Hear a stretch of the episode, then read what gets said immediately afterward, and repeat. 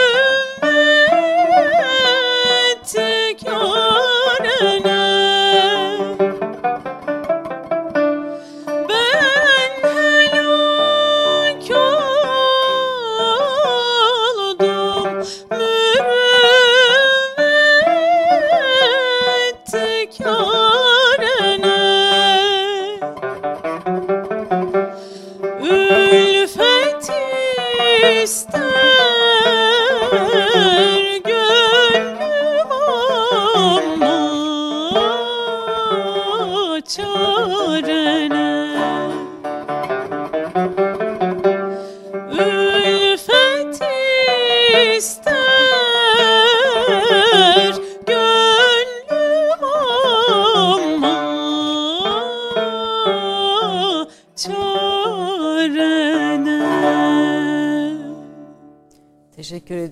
Furkan hoş geldiniz. Ne dinledik? Ee, Şevki Bey'e ait bir Hicaz şarkı dinlediniz. Ülfet etsem yar ile dedik. Teşekkür ediyorum. Sağ olun. Efendim Türk Kahvesi'nde bugün siyaset bilimi, e, uluslararası ilişkiler üzerine Koç Üniversitesi öğretim üyesi Profesör Doktor Ali Çarkoğlu konuk ediyorum. Ali Çarkoğlu Türkiye'de saha araştırmasının siyaset bilimi açısından önemini istikrarla uzun yıllardır sürdürdüğü araştırmalarla gösteren ve bu sahada çalışmalarıyla bize Türk toplumunu anlama, görme imkanı, siyasal davranışların imkanı veren e, çok özel, önemli bir araştırmacı ve önemli bir profesör. E, ayrıca siyaset bilimine bakışı itibariyle de e, kıymeti büyük. Hoş geldiniz efendim, şeref verdiniz Türk kahvesini. E, şimdi böyle bir siyaset bilimcilerin e, genel e, sizin deyiminizle bir sosyal bilim felsefecisi gibi konuşmalarını veya işte gündem üzerine yorumlarını dinlemeye çok alışkınız. Evet. Yani böyle bir profil var ama siz farklı bir çerçeve ortaya koyuyorsunuz. Benim için saha araştırması önemlidir ve siyaset bilinci şamanistik beklentilere cevap veremez. Kahin değildir diyorsunuz. Buradan bir önce gireyim. Sizin siyaset bilimini seçme hikayeniz ve burada niye saha araştırmasına yöneldiniz ve Türk siyaset bilimcinin durması gereken yer neresidir? Bunu dinleyerek başlayalım efendim. Ee, ben aslında iktisat eğitimi aldım e, lisansta. Daha sonra e, daha uygulamalı e, bir araştırma merakı daha ağır bastı. İktisat çok matematiksel ve çok teorik kaçabilir. E, o açıdan ben öyle bir iktisatçı olamayacağımı erken anladım. Neyse ki. E, ve siyaset e, bilimine geçtim.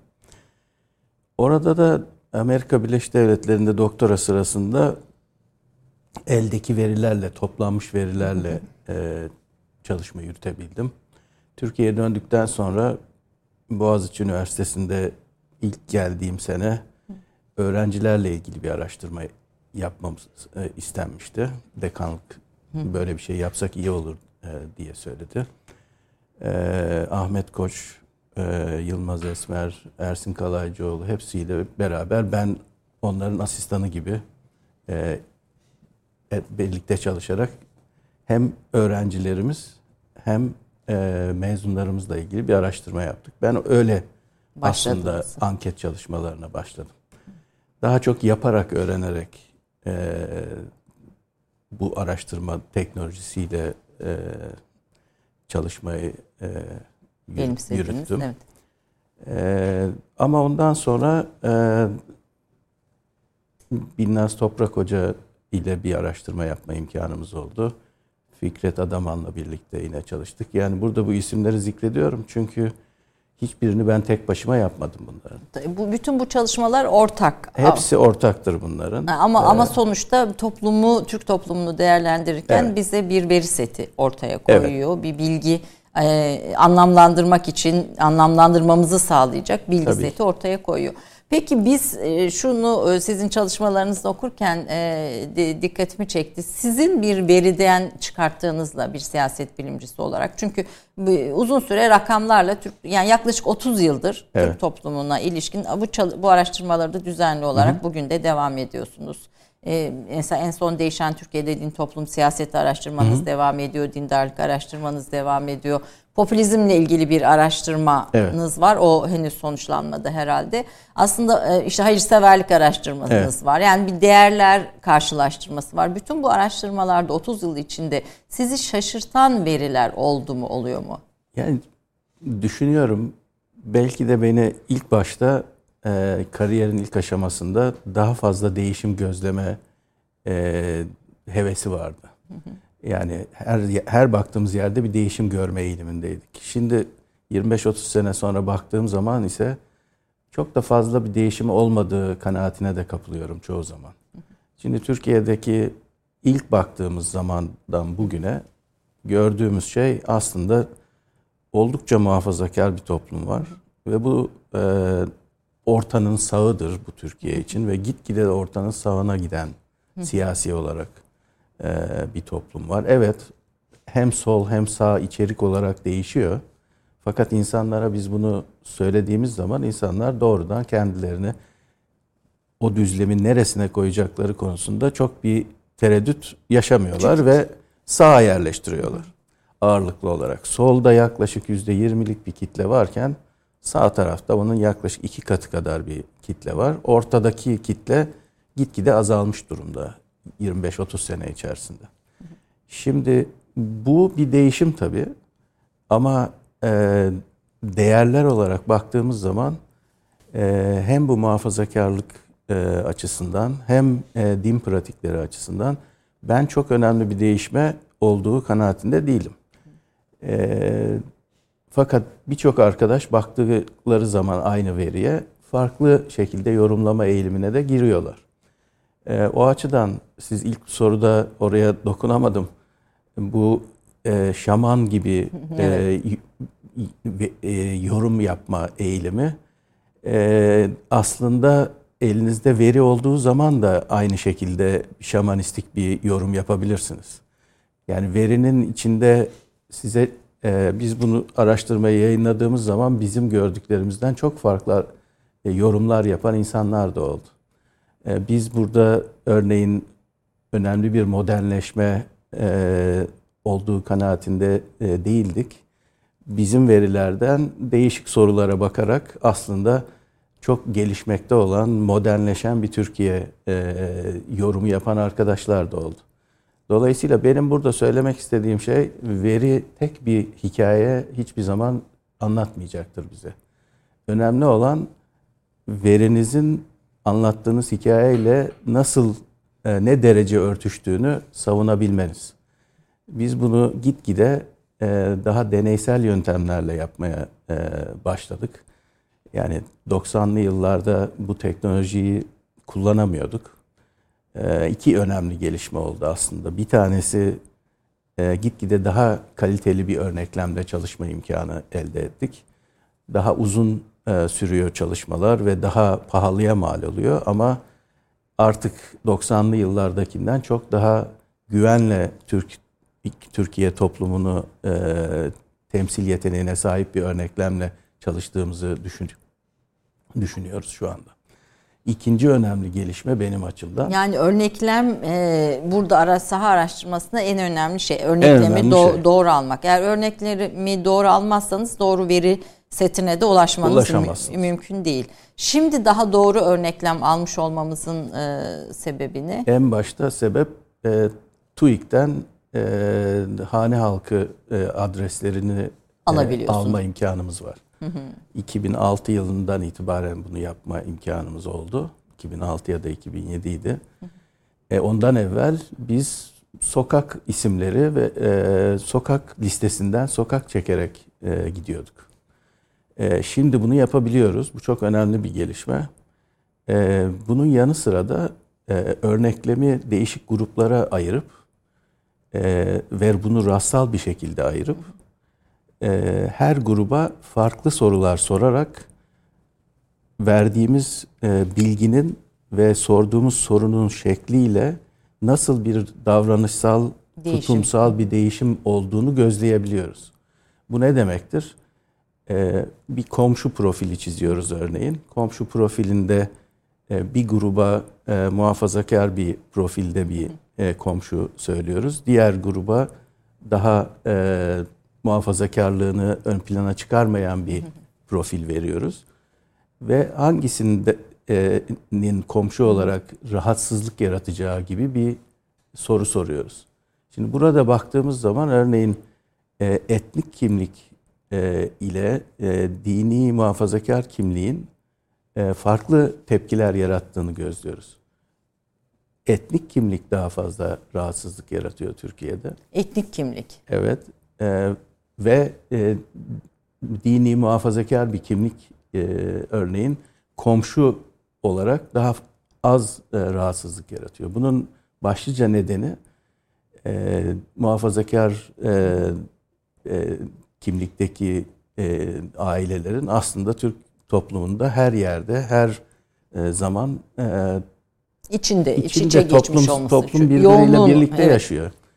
Halbuki e, etnik olarak farklılaştırdığımızda e, komşuyu e, aynı şekilde bir e, hoşgörü görmüyoruz örneğin. Yani mesela işte bir Suriyeli olduğunda, bir Afrikalı olduğunda, yani bir Kürt, Daha çok Kürt. Kürt kim, Kürt kimliğine. Biz biz zaten e, Kürt kimliğini ön plana çıkartarak bu soruyu sorduğumuz zaman anlamlı bir şekilde Kürt kimliğindeki e, ailelerin e, daha fazla tepki yarattığını e, bulduk. Bu bence e, Türkiye'deki e, Türk-Kürt e, birlikte yaşam pratiğinin aslında ne kadar e, ince bir çizgi üzerinde e, yer aldığını da gösteriyor. Bu, bu, bu şeyli bir fay yani bir fay var burada. Bir fay var orada evet. O Yani- fay e, iyi idare edilmesi gereken bir fay. Bir- e, Sizin e, araştırma verilerinizde örneklemlerinize göre Türkiye'nin e, de, kimliği de değişiyor. Mesela önceki araştırmalarda daha az eğitim, %8 sanırım üniversite eğitimi tabii, çık- e, ortalaması çıkarken şimdi Türkiye %15 üniversite eğitimi almış Tabii, bir. tabii. 99'dan yani veya 2000'den bugüne baktığımızda bunun gibi aslında biraz bir genel toplumun değerlerini kentli şehirli böyle bir çok kısa bize özetlerseniz seviniriz. Değer değil aslında popülasyonu, nitelikleri. Yani 90'lı yılların ortasından 2020'ye kadar baktığımız zaman Türkiye'de hem gelir açısından hem mal sahipliği açısından eee, ve özellikle vurguladığınız eğitim açısından eee, önemli bir gelişme olduğunu görüyoruz. Tabii bunun içeriğinin ne olduğunu bilmiyoruz. Yani eğitimli olan insanlar ne derece konularına vakıflar, ne derece rekabetçi bir e, eğitim almış durumdalar. O içerik konusunda bir değerlendirme yapamıyoruz. Yani araştırma yapsak bu değerlendirmeyi de yaparız ama öyle bir değerlendirme Araştırma yapmadık. Evet. O açıdan baktığımızda e, seçmen yaşındaki insanlar artık daha eğitimli. E, görece 20 sene evveline göre daha e, refah içerisinde yaşıyorlar. Yani %8'den %15'e iki katı bir üniversite mezunu oranı Tabii ki, evet, toplum evet. içinde şu anda var. Yani %8-10 civarında şimdi 20'lere yaklaşmış Yaklaşmış, durumda. Ee, kır kent ayrımı Türkiye'de iyice zorlaştı artık bunu e, ayrımını yapmak. Nüfusun ne kadarını kentli olarak bakıyor? Şimdi e, %82 diye bir rakam okudum. Sizin tabii dediğiniz. 20'nin altına düştü e, resmi rakamlara göre. Ama e, yani e, yerleşim yeri büyüklüğüne e, göre bir ayrım yapmış olsaydık e, bu herhalde %20'nin oldukça üstüne çıkardı. Yani biz ufak kasaba diyebileceğimiz yerlere de artık belediyesi var. Bir kent gözüyle bir kent bakıyor. gözüyle bakılıyor. Ama aslında görece olarak işte İstanbul'un merkeziyle karşılaştırılmayacak kadar az gelişmiş bir e, bir yerleşim yeri bunların çoğu. O açıdan e, bence hala Türkiye'de büyük kent ile e, küçük kasaba Anadolu kentleri arasında önemli bir farklılaşma var. Yine toplumsal hayatın e, renkliliği, gelişmişliği, e, kamusal alanın e, açık olması e, açısından baktığımızda pek çok Anadolu kentinde yine konuşurken e, bahsetmiştim. Yani tek kamusal alan alışveriş merkezi. Onun dışında bir kamusal alan yok yani. E, böyle bir ortamda yaşayan bir Türkiye var. E, öyle baktığımız zaman da aslında gözlediğimiz şey değişimin olmaması çok şaşırtıcı değil ya da değişimin beklenilenden daha e, ağır gerçekleşiyor olması bence şaşırtıcı değil. E, neden bunu söylüyorum? Çünkü geliri artmış herkesin cep telefonu e, ile yaşadığı bir ülkede farklı görüşlere daha e, Tolerans. toleranslı olmasını beklerken öyle bir gelişme olmadı Türkiye'de. Nasıl bir gelişme oluyor? Herkes kendi odasına, kendi köşesine kapanmış bir şekilde kendi e, mahallesiyle haşır neşir.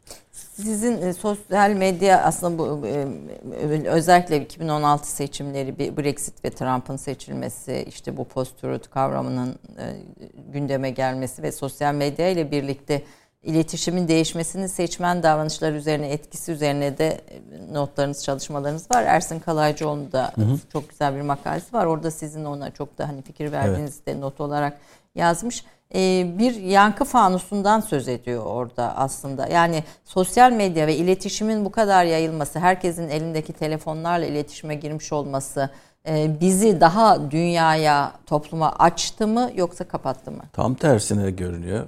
Ee, insanlar sadece kendileriyle hemfikir olan insanlarla e, iletişim halindeler. Şimdi benim de WhatsApp gruplarım var. Herkes bir noktada herkesin aynı fikirde olduğu bir noktaya varıyoruz. Arkadaş grupları. Bu çok sürpriz değil. Niye? Çünkü hepimiz aynı bir anlamda aynı tornadan çıkmış insanlarız. Aynı okullara gittik, aynı çevrelerde e, büyüdük. Öyle olunca herkes hemen hemen aynı şeyleri düşünüyor.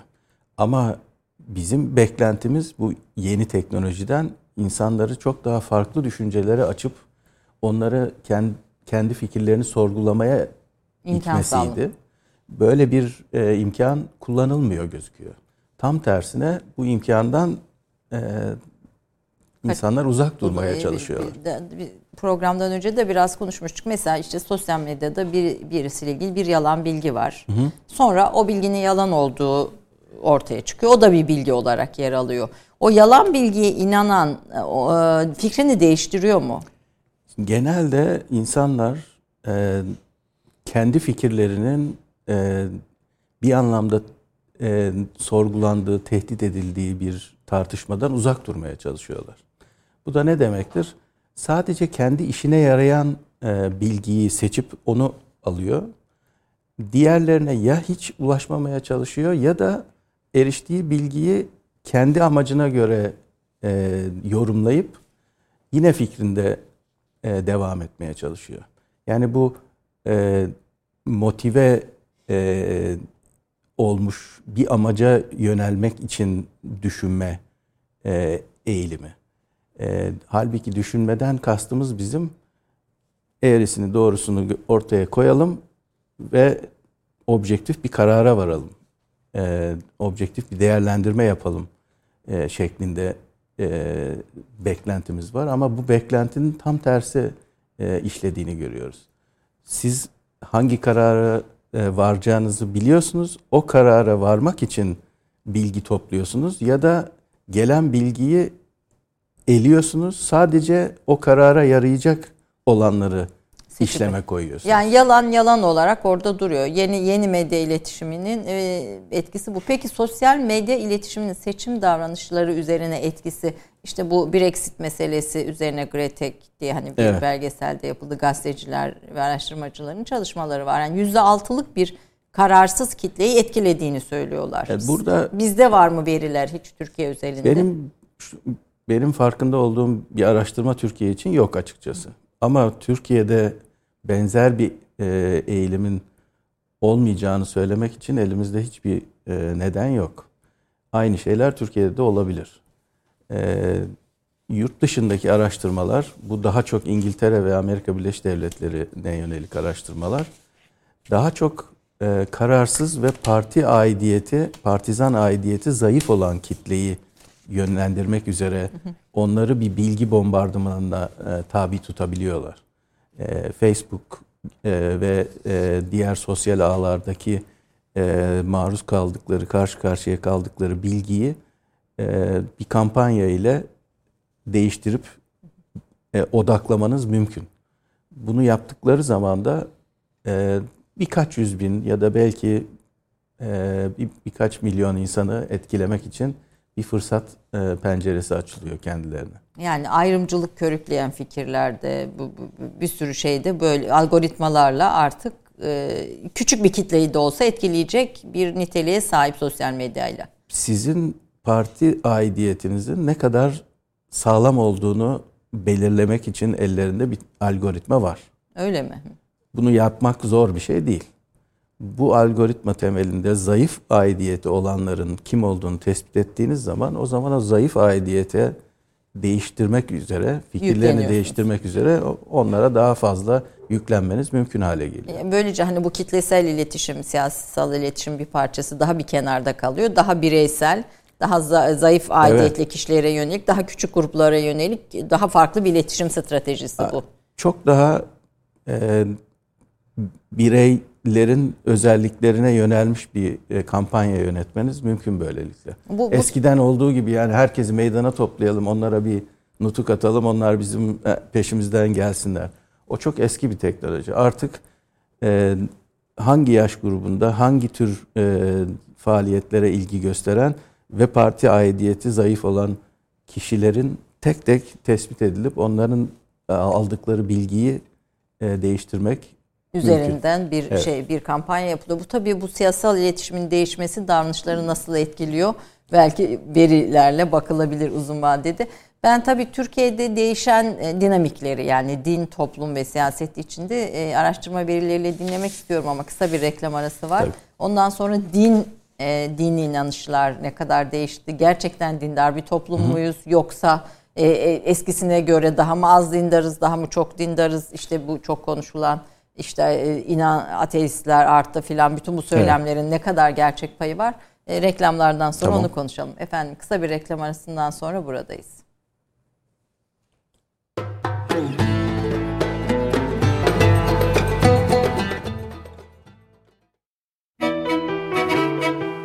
Profesör Doktor Ali Çarkoğlu hala Koç Üniversitesi Uluslararası İlişkiler bölümünde öğretim üyesidir. Doktora derecesini State University of New York Binghamton'da Mayıs 1994'te savunan Çarkoğlu, daha önce Boğaziçi Üniversitesi ve Sabancı Üniversitesi'nde öğretim üyesi olarak çalıştı. Mayıs 2018'de kendisine State University of New York Binghamton tarafından insani bilimler alanında fahri doktora derecesi verildi. 2013 yılında Bilim Akademisi'ne seçildi. 2008-2009 akademik yılında Hollanda Beşeri ve Sosyal Bilimler Yüksek Araştırmalar Enstitüsü'nde akademi üyesi olarak araştırmalar yaptı. 2000-2001 yılları arasında Türkiye Ekonomik Siyasi Etütler Vakfı'nın araştırma direktörlüğü görevinde bulundu. 2008'den bu yana International Social Survey Program ve 2011'den bu yana da Comparative Study of Electoral System projelerine Türkiye verileriyle katılan Profesör Doktor Ali Çarkoğlu, Koç Üniversitesi Saha Araştırmalarıyla Sivil Toplum ve Hayırseverlik Araştırmaları Merkezlerinin kurucu direktörlüğünü yürütüyor.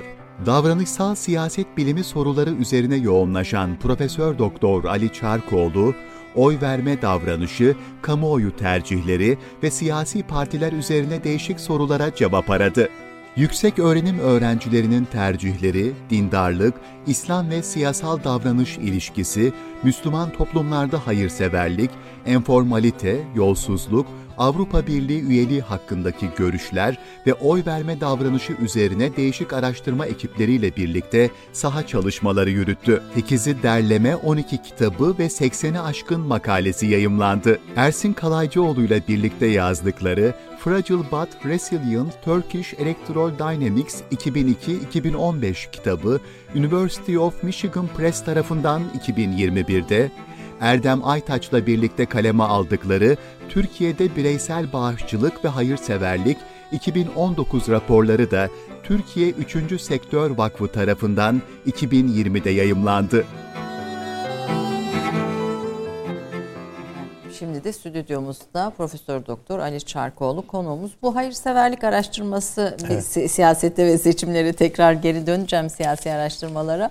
Önemli geldi bana. Ben sanki Türk toplumu daha çok hayırsever evet. olduğunu düşünüyordum. Bir ortalama yüzde 0.5 gibi bir e, şey 300 e, 303 lira ortalama e, evet. bağış oranımız değil mi bizim kişi başı? 2019 itibariyle. 2019 itibariyle. Biraz bu araştırmayı anlatın Şimdi, isterim. Yani ee, mesela sivil toplum kuruluşlarının devreye girmesi nasıl etkilemiş? Bireysel evet. bağışlar mı önde? Devleti nerede görüyor Tabii. yardımlarda? Buyurun. Yani bu bizim 2004 yılından itibaren yapma fırsatı bulduğumuz bir araştırma. Türkiye Üçün Sektör Vakfı bunu destekledi hep. Ee, ana amacımız hangi sahiplerle insanlar e, bağış yapıyorlar. Bu hem kurumsal bağış hem de enformel bağış. Enformelden kastım kurum aracılığıyla değil, direkt kendisi e, bizzat birine veriyor. bizzat yaptığı yardım. Bu aynı olabilir e, ya da parasal da olabilir. Şimdi örneğin baskın yardım Türkiye'de e, kurumsal değil, enformel e, yardım. Bunun e, yani bir sivil kuruluşa veya bir kurum aracılığıyla değil de değil, bizzat kendisi bizzat yapıyor. Bizzat kendisi. Bu bunun bir din temeli de mutlaka ki var. Yani kurban e, etini e, kendisi dağıtmak istiyor e, Anadolu insanı. E, kendi e, fitre, zekat ödemelerini de şey üzerinden, kurumlar üzerinden değil, direkt kendisi yapmayı tercih ediyor. Şimdi buradaki gözlediğimiz şey uzun dönemde yani 2004'ten 2019'a baktığımız zaman bu bağışlarda bir e, azalma olduğunu gözledik. 2004'ten 2019'a 2019'a bir artış değil bir azalma var. Hem e, bunun dini sahiplerle olanlarında da azalma var. Yani bir rapor mesela Ramazan bayramında fitre verenlerin oranı 2004'te %79 iken 2019'da %58 olmuş. Yani evet. 79'dan 58'e düşmüş. Anlamlı bir düşüş var ki Meze, bu fitredir yani. Fitre ki çok küçük bir çok rakam. rakam e, zekat değil. verenlerin oranı %40'tan %23'e gerilemiş. Evet. Bunun tabii ki e, iktisadi bir temeli de olabilir. Çünkü iktisadi zorluklar arttıkça zekat verme oranında düşmesi çok e, doğal. Ama tabii bu süreçler hani ekonomik büyümenin de kısmen olduğu e, dönemler gayri safi milli hasıla açısından en azından rakamlar daha mesela kurban kesenlerin oranı %57'den %39'a inmiş. Evet. Ama 2004 çok özel bir yıldı. Ee, iktisadi olarak en rahat yıllarından bir tanesiydi Türkiye'nin. 2019'a geldiğimiz zamansa iktisadi sorunlar daha e, zora girmişti Türkiye. Burada sebebi ekonomik gerekçelere Benim gördüğüm ekonomik gerekçeler. önemli bir sebep ekonomik e, zorluklar. E, fakat e, gitgide daha e, enformel hale geliyor mu diye merak ediyoruz. Esas e, merakımız bu. Orada sanki e, formel bağışların yani kurumsal e, aracılıkla yapılan bağışların yavaş yavaş arttığını gözlüyoruz. E, yani sivil toplum kuruluşlarına, bir evet. yardım kuruluşuna bağış yapmak giderek artıyor. Giderek artıyor. Ne evet. kadar büyük bir artış bu? Sanki böyle çok... Yani çok rakamsal olarak e, sizin de dediğiniz bu 300 e, lira 2019 itibariyle çok büyük değilmiş gibi gözüküyor. Fakat burada 52 milyon insandan bahsediyoruz. E, ve Avrupa ülkeleriyle karşılaştırdığımız zaman İngiltere ya da İtalya ile benzer düzeylerde bir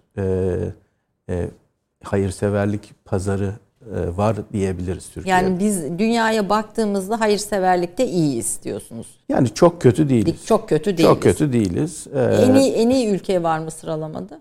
Yani en fazla rakam olarak en fazla e, bağış tabii ki Amerika Birleşik Devletleri'nde Devletlerinde. yapılıyor. Fakat bunu e, Charities AIDS Foundation diye bir İngiliz kurumu vardır. Onlar her sene yapıyorlar bunu. Pandemi sırasında e, daha çok e, gelişmekte olan ülkelerde yardım oranlarının arttığını, gelişmiş Batı ülkelerinde ise düşme yaşandığını söylüyor. Ben de geçen hafta baktım son raporlarına. E, biz de yeni bir araştırma yine 3. Sektör Vakfı e, desteğiyle yapıldı. E, onu da önümüzdeki e, aylar içerisinde e, sonuçlarını göreceğiz. Yani Türkiye'de hane ne halkı gelirinin yüzde 0.7'sini bağış olarak, hayırseverlik olarak. Çok az bir rakam, e, oran. Oran. Ama topladığınız zaman bu rakamın aslında Avrupa düzeyinde bir rakam olduğunu görüyorsunuz. Yani dünyaya göre iyi ama kendi açımızdan yine de küçük bir şey. Evet. STK'ları niye tercih etmiyor? Bu daha çok e, bir güvensizlik ve bu e, STK'ların aslında faaliyetlerinin yeterince şeffaf olmamasıdır. Bir de Türkiye'deki gelenek e, insanlardan bağış yapmaları aslında Batı ülkelerindeki kadar istenmiyor. Yani bu fonlama için kampanya yürütme Türkiye için çok yeni bir kavram aslında pek çok e, üçüncü e, e, sivil toplum kuruluşunun fon geliştirmeye yönelik bir departmanı yok. E, vakıflar da Türkiye'de kendi varlıklarıyla e, faaliyet yürütür. Varlıklarını geliştirmek için bir e, faaliyet henüz gelişmiş değil Türkiye'de. Dolayısıyla bu sektörün e, kat edeceği çok mesafe daha var önümüzde. Bir Önemli oran... olan e, faaliyetlerinin e, şeffaf olduğunu e, halka iyi anlatabilmek. Peki rapor istiyor mu halk? Yani sen ne yaptın benim paramı aldın, nasıl kullandın? Bir, bir Yarı yarıya kimisi istiyor kimisi istemiyor. Bu rapordan da ne kastettiklerini anlamak da çok zor açıkçası. Hı hı. Ee, yani açıkçası bilmiyoruz. Rapor istediğiniz zaman karşılık aldım evet rapor alıyorum diyenler nasıl bir rapor alıyorlar?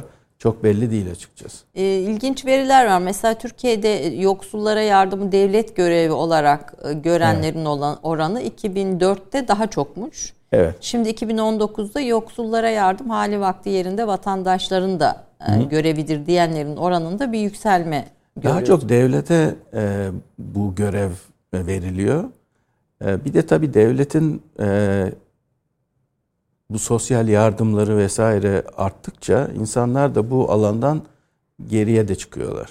Yani ne kadar bir e, devlet bütçesinden harcama Hayır, yapılırsa o zaman e, enformel olarak yapılan bağışlar da tabii ki aşağı iniyor.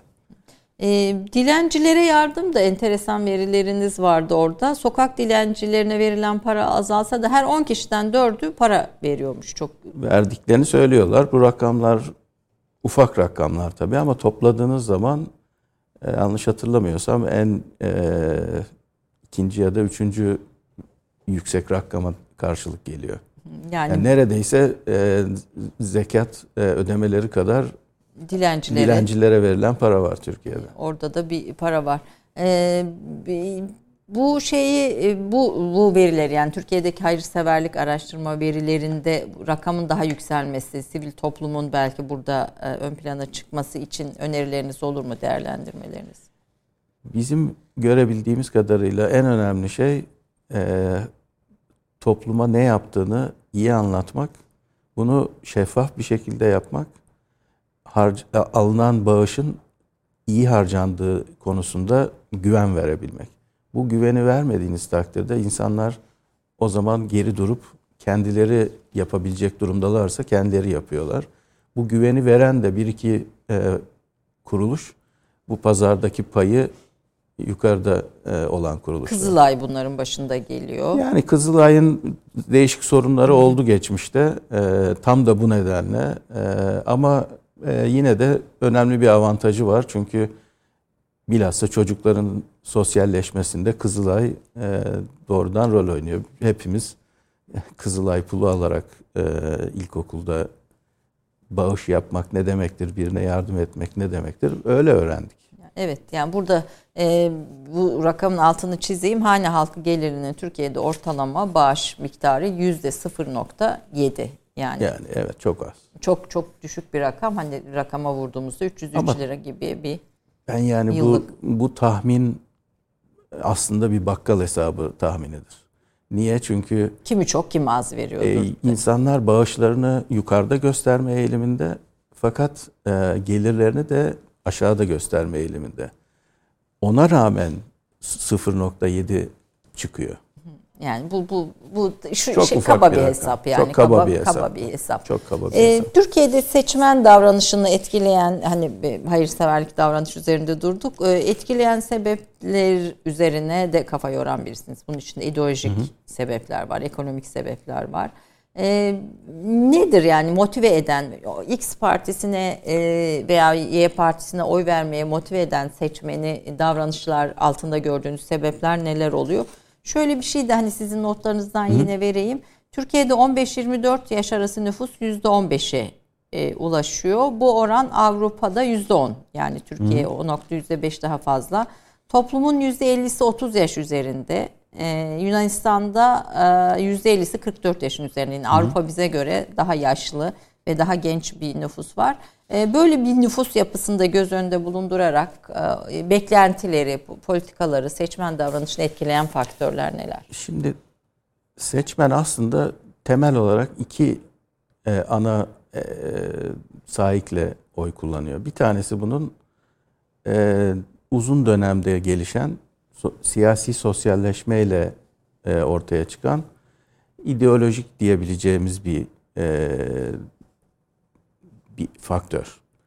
E, bu insanları aslında değişimden bir anlamda uzak tutan bir e, etki yaratıyor.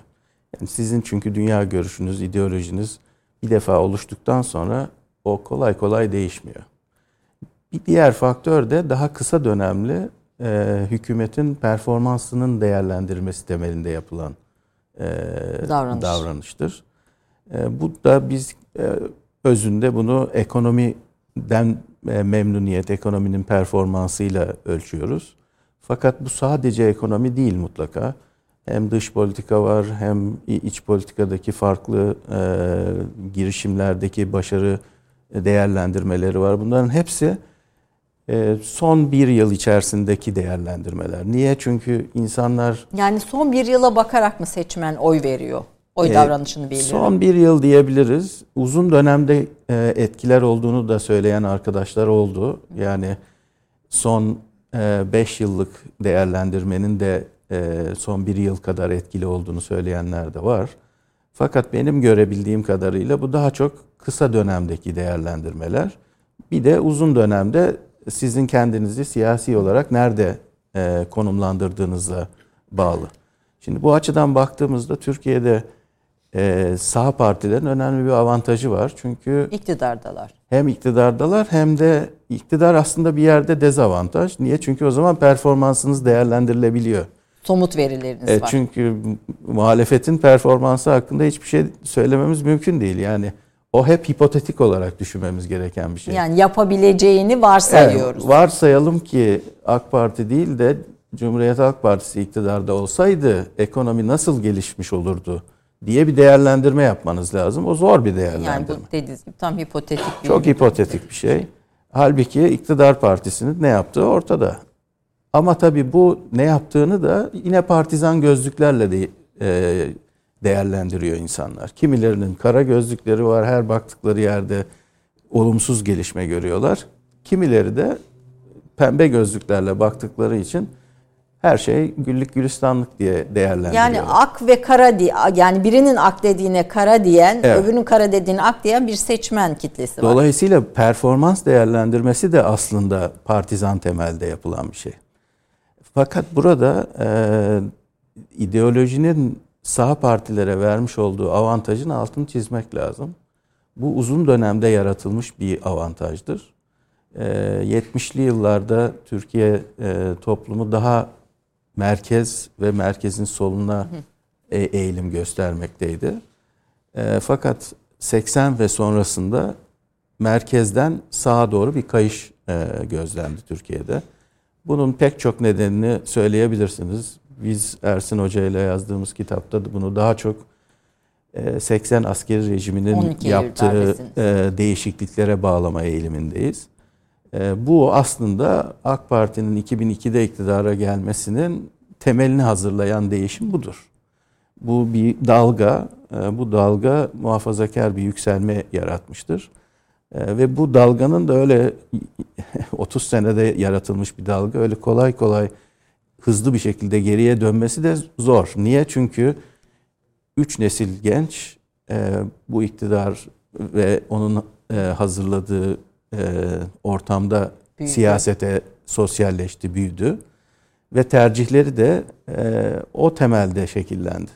Şimdi bunun değişmesi için kritik bir e, kararsız ya da e, Gündeme e, par- göre. parti aidiyetinin çok sağlam olmayan bir kesimin fikir değiştirmesi lazım.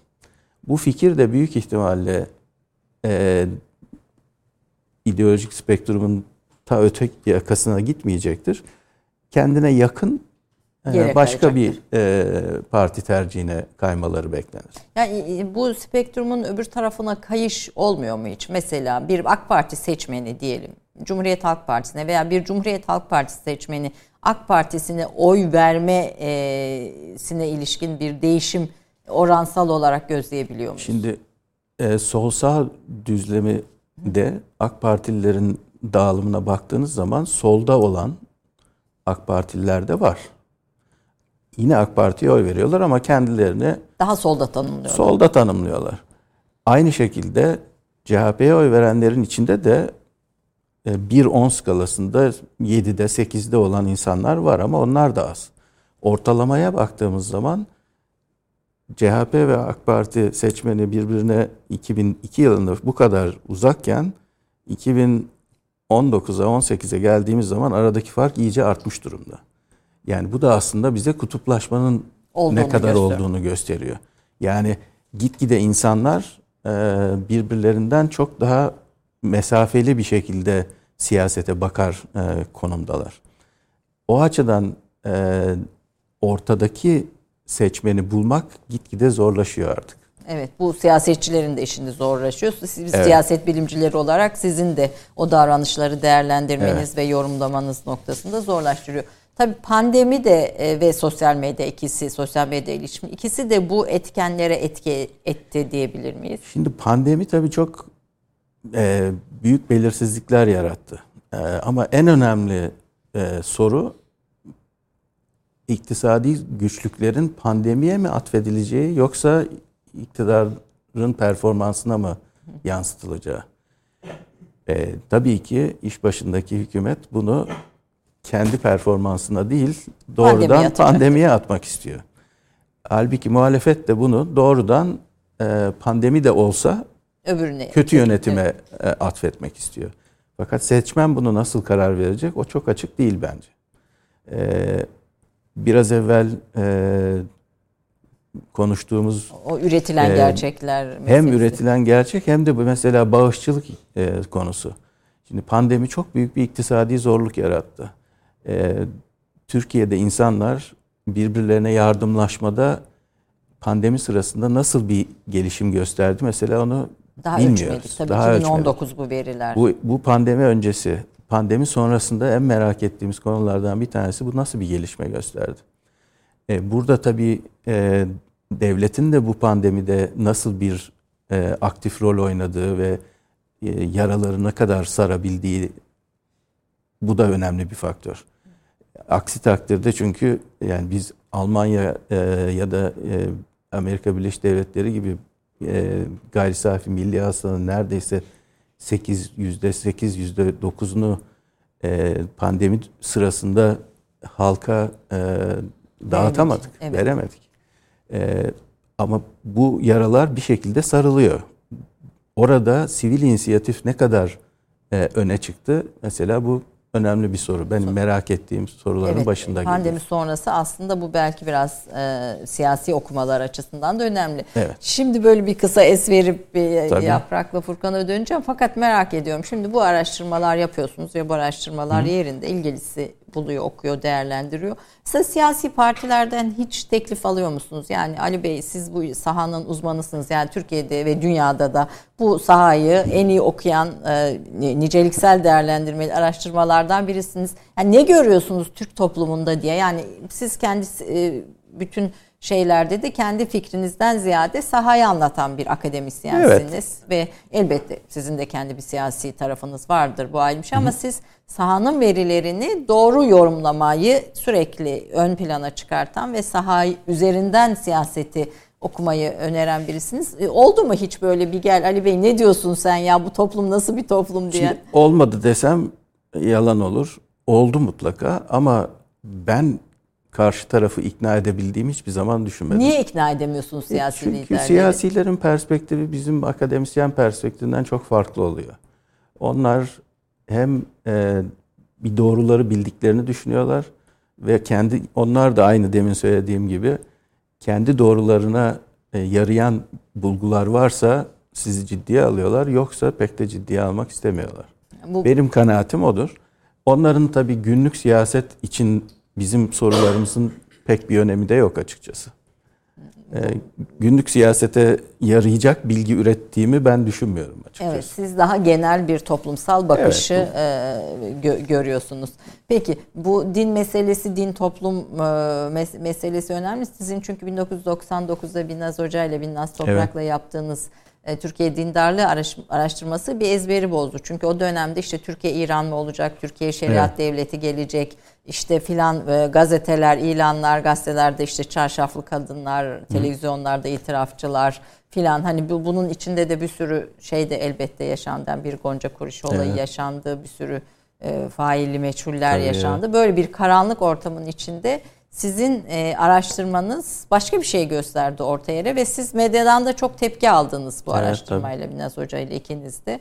Yani Türk toplumunun dindarlaşma verileri üzerine. Bunu bir sonraki e, reklamdan sonraki bölüme bırakalım. Yaprak ne dinleyelim senden? Ee, şimdi Suzinak makamında bir eser var. Benim yarem gibi yare bulunmaz diyeceğiz. Peki dinliyoruz.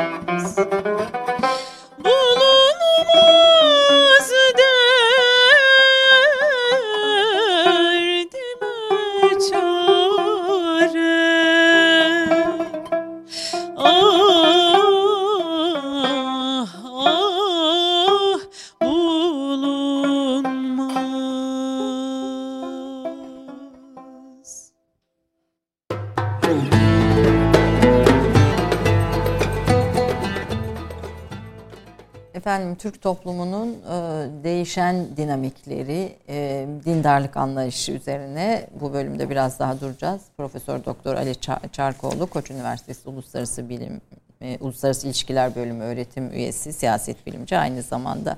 Şimdi bu dindarlık araştırması önce 99'u biraz Tabii. konuşalım. Ee, Türkiye'de şöyle, bu iklimin içinde şeriat geliyor mu? Ee, Türkiye İran olacak e, havasının Hı-hı. içinde. Siz araştırma verileri Türkiye dindarlık araştırması bunu göstermiyor dediniz. Evet. Ee, %20 o zaman şer'i düzeni evet diyen bir grup evet. örneklemiştiniz. Fakat bunlar bu örneğin içinde çok eşitliği benimsemiyor. Kadınların evet. mahkemede şahitliğinin eşit olmamasını, kadınların mirastan mirastaki payların eşit pay almamalarına katılmıyor e, diyorsunuz ve hani bu şeriat talebi de aslında alt e, maddelere indiğinizde gerçekten böyle bir talep yok evet. ve bu 2015'te de e, düşüyor giderek Türkiye'de evet. e, bu bu talepte bulunuyorum diyenlerin oranı düşüyor diyorsunuz. Biraz bunu e, anlatın yani, isterim. E, 99 araştırmasının en önemli bulgularından bir tanesi buydu. Hep merak ettiğimiz şeydi. Çünkü o zamanki hava Türkiye'de şeydi. E, şer'i düzene geçilecek, İranlaşacak Türkiye. Halbuki Türkiye'deki Müslümanlığın kendine has bir karakteri var. Bu karakter nasıl bir karakterdir? Biz aslında Binnaz Hoca ile öncelikli olarak bunu anlamaya çalışmıştık.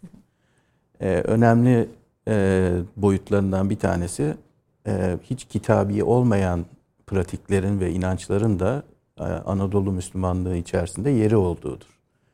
Ee, bir örnek verebilir misiniz? Bu naz e, boncukları taşımak ha, vesaire. Gibi. Evet. E, ya da işte e, kilisede mum yap, mum yakıp e, dua etmek e, çok Türkiye'ye has bir şey. Evet. Yani büyük adaya bakıyorsunuz. E, oradaki kiliseye e, dilek ünivers- üniversite üniversite sınavı öncesinde insanlar gidiyorlar, dilek diliyorlar ve kendilerini de gayet e, Müslüman, Müslüman olarak. olarak görüyorlar.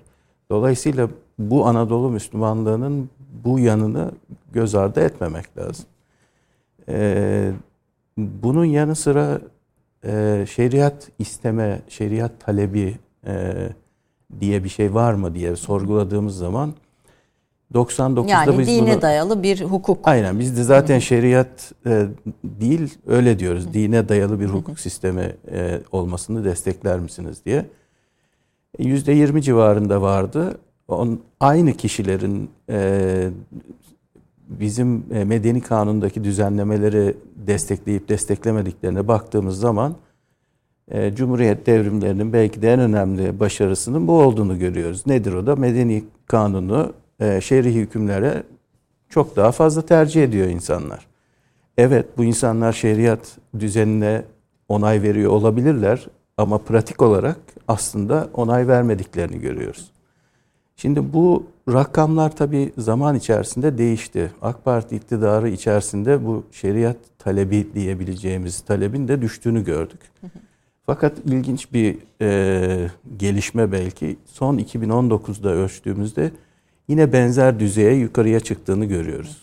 Bence bunun bir e, sebebi e, siyasetçilerin biraz e, bu İslami muhafazakar hassasiyetleri bir anlamda kaşıma e, ihtiyacı hissetmeleri. Bu buna toplum e, bir cevap veriyor.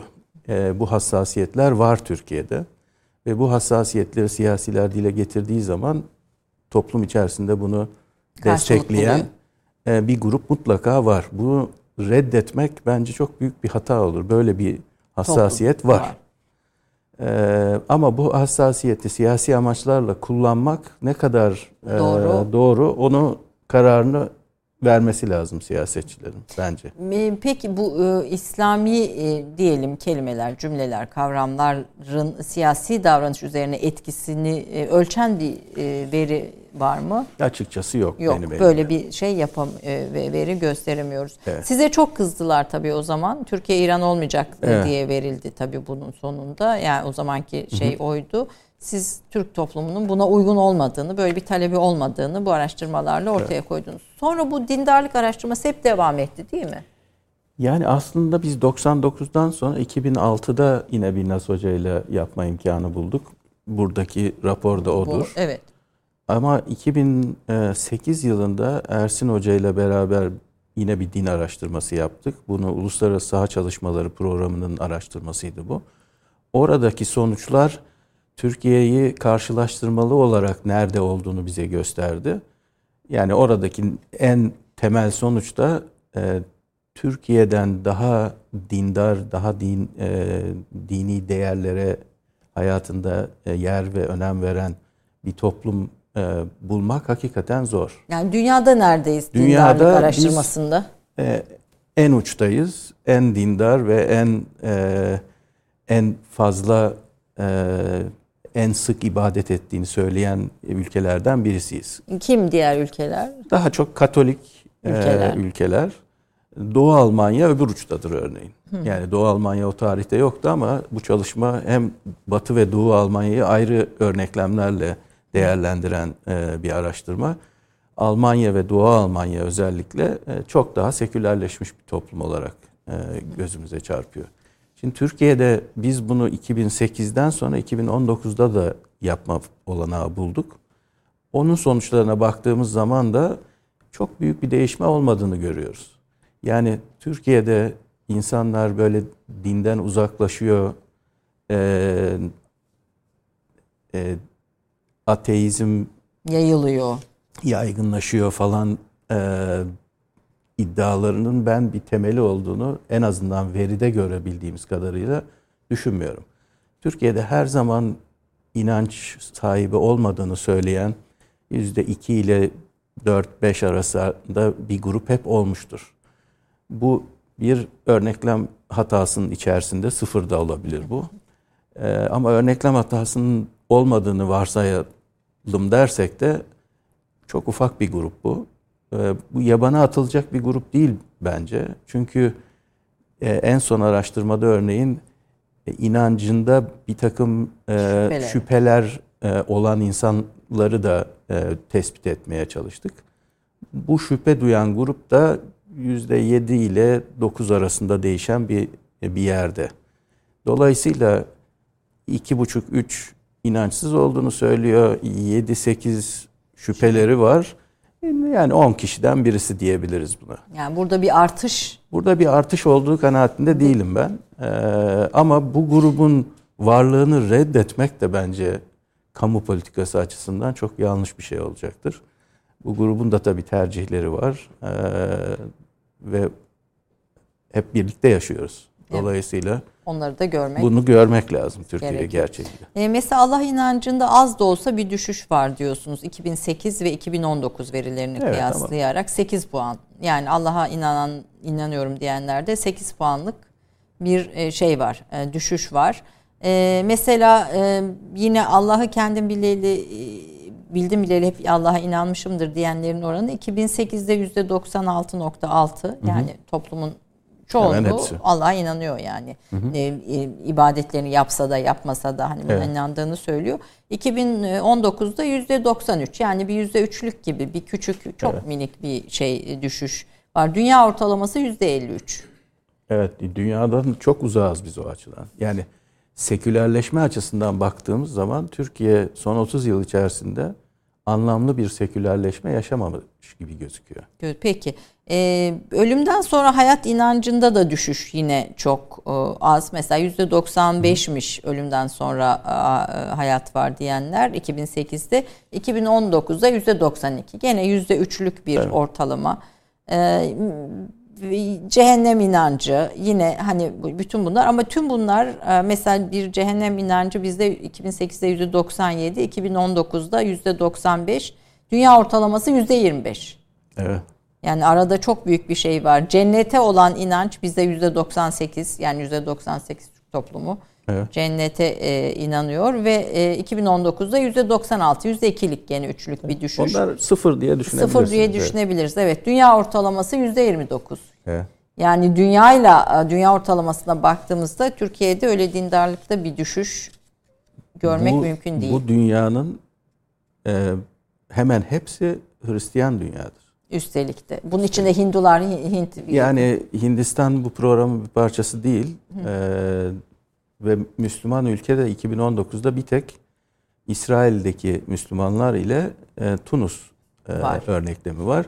İkisi de Türkiye'ye yakın. Yakın değerler olarak. Dolayısıyla bu bize belki de şunu söylüyor. Buradan böyle bir makale henüz yazılmadı ama İslam dünyasında sekülerleşme Batı e, Hristiyan dünyasından çok daha ağır ilerleyen bir süreç. Daha yavaş. Çok daha yavaş. Yavaş ilerliyor. E mesela ölümden sonra hayata inananların oranı dünyada yüzde otuz, bizde yüzde doksan beş. Yani rakamlar olarak verdiğim e, özellikle hani rakamları da vermek istiyorum.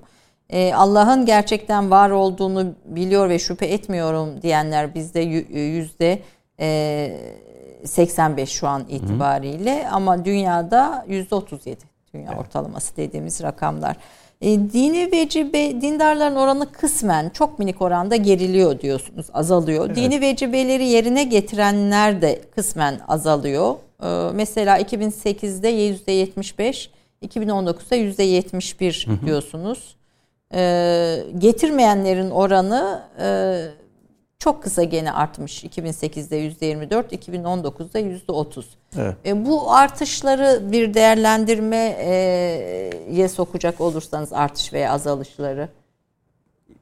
Açıkçası benim beklentim 30 sene içerisinde daha büyük oranda bir sekülerleşmenin olmasıydı. Ama içinde yaşayarak görüyoruz ki bu süreç o kadar hızlı gelişmiyor Türkiye'de. Ama minik de olsa bir gerileme var. Ama bu belki de doğal bir şey. Yani bu e, sosyolojide çok tartışılan bir konu. Sekülerleşme doğal bir süreç midir yoksa e, izlenen politikalarla e, hızlandırılabilir mi yoksa yavaşlatılabilir mi? Türkiye e, eğitim politikasıyla belki de bu e, sekülerleşme, doğal sekülerleşmeyi bir anlamda yavaşlatmış bir ülke gibi düşünüyorum ben. Evet bunu da frene basmış evet. e, diyoruz. Son bir yılda kutsal kitap dinleyen ve okuyanların oranında Türkiye e, yüzde yetmiş ile dünya dördüncüsü. Hı hı. Yani e, bizde yüzde yetmiş illa bir kitabı ilahi Kur'an dışında kitaplar da olabilir. Evet. E, iyi bir dini kitap e, e, okuyor ama dünyada bu oran çok düşük herhalde. Tabii biz burada bunun e, Kur'an'ın e, tefsirini mi okuyorlar yoksa kendisini mi okuyorlar onu sorma imkanımız olmadı. E, çünkü e, bunu yani Arapça bilme oranı bu kadar yüksek, yüksek değil, değil Türkiye'de. Meal de okuyor. Meal ne okuyor olabilir. Latincesini okuyor olabilir. E, din ve hassas konularda da yine bir minik farklılık var. Evli bir kişinin başka biriyle cinsel Hı-hı. ilişkide bulunmasına her durumda yanlış değerlerin oranı yüzde 84 Hı-hı. bugün. 2008'de ee, %95. Yani evet. burada da hassas konularda da kanaatlerde bir düşüş Biraz var. Biraz daha düşüş var orada evet. Dünya ortalaması %63 imiş ama. Evet. Ee, kocanın görevi para kazanmak, karısının görevi ev işi yapıp aileye bakmakta Hı. daha yüksek bir düşüş var. Hani evet, beni de evet. ilgilendirdiği için. 2008'de %53 hı hı. imiş bu oran. 2019'da %37'ymiş. Evet. Yani Türk toplumundaki erkeklerin %37'si e, kadın da çalışıp para kazanmalı diyor diyebilir miyiz? Kadın erkek olarak ayrılmamıştır o ama yani Türk toplumundaki insanların kadın erkek e, üçte biri e, kadın ve erkeğin bu konuda eş sorumluluk sahibi olması fikrini destekliyor. Evet bu, bu da bir değişim. E, bir değişim ama bu değişim de çok yüksek bir değişim değil. Yine dünyaya baktığınız zaman dünyada bu çok daha yüksek %23 oranda. %23 dünya evet. ortalaması. Ama dünya ortalamasına yine en yakın, yakın veri bu. Belki bir tek o soru evet. Evet bir tek bu soru. Çünkü Geri... E, eşcinsellerle ilgili de sorularımız oldu mesela. Orada biz hala dünyanın çok tersi bir yönde yerdeyiz. Ama orada da bir düşüş var gördüğüm kadarıyla. Onlara ilişkinde 2018'de yüzde 93 e, her durumda yanlış diyenlerin oranı e, yüzde 80'e gerilemiş. Türkiye'de yani orada evet. da bir e, bir küçük gerileme var. Dünya ortalaması yüzde 41. Evet, yarısı yani. Yarısı yani dünya ortalaması. Ee, bir de dünya değerler araştır, dünya değerleri var. Yani şimdi bu konuyu bir tekrar değerlendirelim istiyorum. Hı hı. Peki bu dindarlık meselesi, dindarlık oranları e, siyasi tercihlerde ne kadar etki ediyor? Yani çünkü burada baktığımızda %94'ü e, dindar yani Allah'a inanıyorum işte Kur'an okuyorum veya işte cemaatleri e, cemaatle namaz kılmak hala e, yüksek değerde olan Tabii. şeyler Türkiye'de. E, bu bütün bu total CHP'de işte diğer bütün partilere de HDP'de yani her her hı hı. partiye dağılan bir şey bu. Bu bir genel nitelik. Nasıl etkiliyor dindarlık siyaseti? Şimdi e, ilk bahsettiğim uzun dönemde e, şekillenen dünya görüşü ve ideolojik e, konum Türkiye'de yani bu sol sağ ile özetlediğimiz kolum Türkiye'de bütün dünya e, tecrübesinden uzak bir şekilde daha çok kimlik e, özellikleriyle e, alakalı. Solcular e, görece dindarlıkları düşük, sağcılar dindarlıkları görece olarak daha yüksek olan kişiler. Dolayısıyla ideoloji olarak baktığımızda dinin sol sağ ideolojisiyle çok yakın bir korelasyonu var. O nedenle din pratikleri ve dini inançlar seçim tercihlerini de çok yakından e, belirliyor elbette. E, yani din, din mesela dindarlık ölçütü e, de evet. bu bunun içinde. Gençlerin peki dindarlığında bir değişim var mı? Şimdi gençler tabii ki e, yaşça daha ileride olan e, nüfustan daha düşük din pratiği ve inanç e, özellikleri gösteren bir grup. Ama elimizdeki verilere aynı yaş grubunda kişilere 30 yıl içerisinde değişik noktalarda baktığımız zaman aslında bundan 30 sene evvelki 18-25 yaşındakilerin dindarlığıyla 30 sene sonraki 18-25 yaş arasındakilerin dindarlığı arasında çok anlamlı farklılıklar gözlemiyoruz. Evet, gençler yaşlılardan daha az dindardır ama bugünün gençleri 30 sene evvelinin gençlerinden daha mı az dindarlar? Hayır, daha az dindar değiller.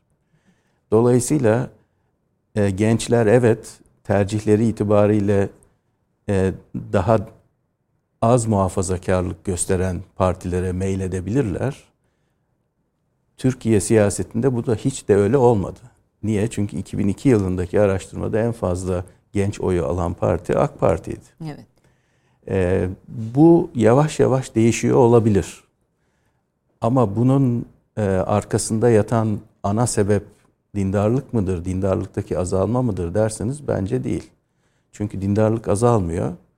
E, gençlerin iktisadi e, kırılganlıkları çok daha yüksek. Öyle oldukları için de iktisadi gelişmelerdeki performans eksikliğine gençler çok daha sert cevap veriyorlar elbette. Ee, bunun yanı sıra gençlerin partizan kimlikleri de anne babaların kadar Kemik değil. kemikleşmiş değil. Öyle olduğu için gençleri başka bir partiye, anne babalarının partisinden farklı bir partiye ikna etmek daha kolay. Ee, ama bunların hepsi e, tahmin etmesi çok zor gelişmeler. Yani Z kuşağı bir partiyi destekleyecek, öbür partiye karşı tepki verecek. Bu çok net bir şekilde ortaya çıkmıyor. Niye? Çünkü e, gençler hala Türkiye'de yani Türkiye toplumunun önemli bir özelliği olarak aileler hala birlikte yemek yiyorlar. İyi ki çok şükür diyoruz. Yani evet bu değişimin radikal ve hızlı bir değişim olmamasını sağlayan en önemli etmen ailenin birlikte olmasıdır Türkiye'de. Hem çekirdek aile birlikte hem de geniş aile birbirine yakın ve yine birlikte.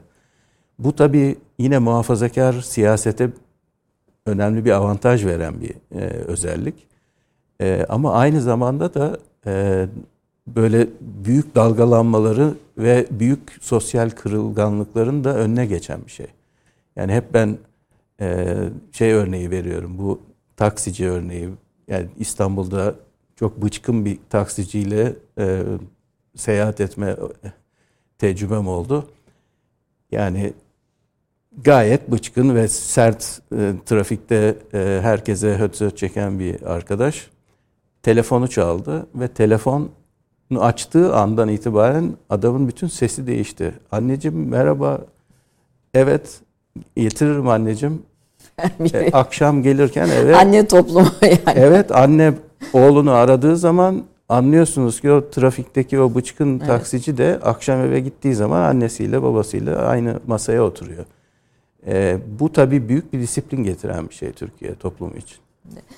Bir de bu dü- dünya Türkiye'nin Amerika'ya, Avrupa'ya, Avrupa Birliği'ne bakışı var. Bu da ölçümler Evet. arasında yer alıyor. Toplumda buna bakışın, e, batıya bakışın e, e, negatifliğinde veya pozitifliğinde değişim var mı? Şimdi Türkiye bu anti Amerikanizm diyebileceğimiz e, tavırlar arasında çok özel bir yere sahip. E, solcusu da sağcısı da Amerika karşıtıdır Türkiye'de. E, ve Amerikalılar tabii ki bunu ölçüyorlar. Dünyanın her tarafında baktığınız zaman en yüksek e, Amerika karşıtı görüşler Filistin'le karşılaştırılabilir ve Filistin'den kimi zamanlar daha yüksek olarak Türkiye'de, Türkiye'de çıkıyor. Bunun önemli bir sebebi bizim e, bir anlamda sev sendromu diye e, dillendirilen bu batıya karşı hep şüpheci yaklaşan e, resmi ideolojinin halka yansıması aslında. E, biz Amerika ile müttefik olabiliriz. NATO içerisinde birlikte çalışabiliriz. Her türlü işbirliğimiz Amerika ile çok iyi, e, sağlam e, bağlanmış olabilir. Ama halkı ikna edemiyorsunuz Amerika'nın Türkiye ile e, dost, dostane ilişkiler içerisinde olduğunu. Hem solcusu bunu e, sorguluyor hem sağcısı bunu sorguluyor ve aynı nedenle de Amerika'ya olan güven hep düşük kalıyor Türkiye'de. Zaman içerisinde örneğin aynı şey Rusya için gözlenmedi. 70'li yıllarda yapılmış e, özel nadir bir araştırma var. E, o zamanki Sovyetler Birliği düşman olarak görülüyor Türkiye'de. 70'li yıllarda. Fakat bugün baktığınız zaman Rusya artık Sovyetler yok. Rusya öyle düşmanlık gösteren bir ülke gibi değerlendirilmiyor halk arasında. Her zaman e, kimileri düşman, kimileri dost olarak görür değişik ülkeleri. Ama Türkiye insanı e, kendisine uzak olan e, ülkeleri ve onların insanlarını kendine daha yakın hissetme eğiliminde. Japonlar, Brezilyalılar. e, Onları daha çok seviyoruz. Evet bizim En çok kimi seviyoruz dünyada? Evet, Japon ve şey Brezilya benim hatırladığım. Hollanda'da özel bir yeri var. Ben bunlara hep bir tek açıklama yani çok da ayrıntılı analiz etme e, imkanım olmadı ama bu daha çok futbolla açıklanabilir belki diye düşünme eylemindeyim. Evet futboldan dolayı. Yani Japonların değil ama en azından Brezilya ve Hollanda için onu söyleyebiliriz. Ee, gene e, sizin e, yazılarınızı okurken mesela dünyada da Müslümanlara tepki gösteren ulusların başında Finlandiya, Müslümanları sevmeyenler tutum olarak, davranış tutumu olarak Finlandiya, Çekoslovakya geliyor. Onu da ilginç buldum mesela. Niye yani hiç Ee, yani bunu analiz et- edilecek daha. Bu veri yeni bir veri daha. Ee, yani bu uluslararası e, arşivlerde son bir sene içerisinde paylaşıldı. Ee, daha henüz makaleler yayınlanmadı. Ama bence ilginç olan şey e, biz şunu biliyorduk yani e, Müslüman toplumlarda e, Hristiyan ve e, diğer e, din e, mensuplarına olan güvenin düşük olduğunu aslında biliyorduk. Türkiye'de de biliyoruz bunu. Ama Batı toplumlarında Müslümanlara karşı olan tepkinin ve negatif görüşün bu kadar yaygın olduğunu daha yeni öğreniyoruz. Evet. Ve bu bence önemli bir e, alan çalışmak için.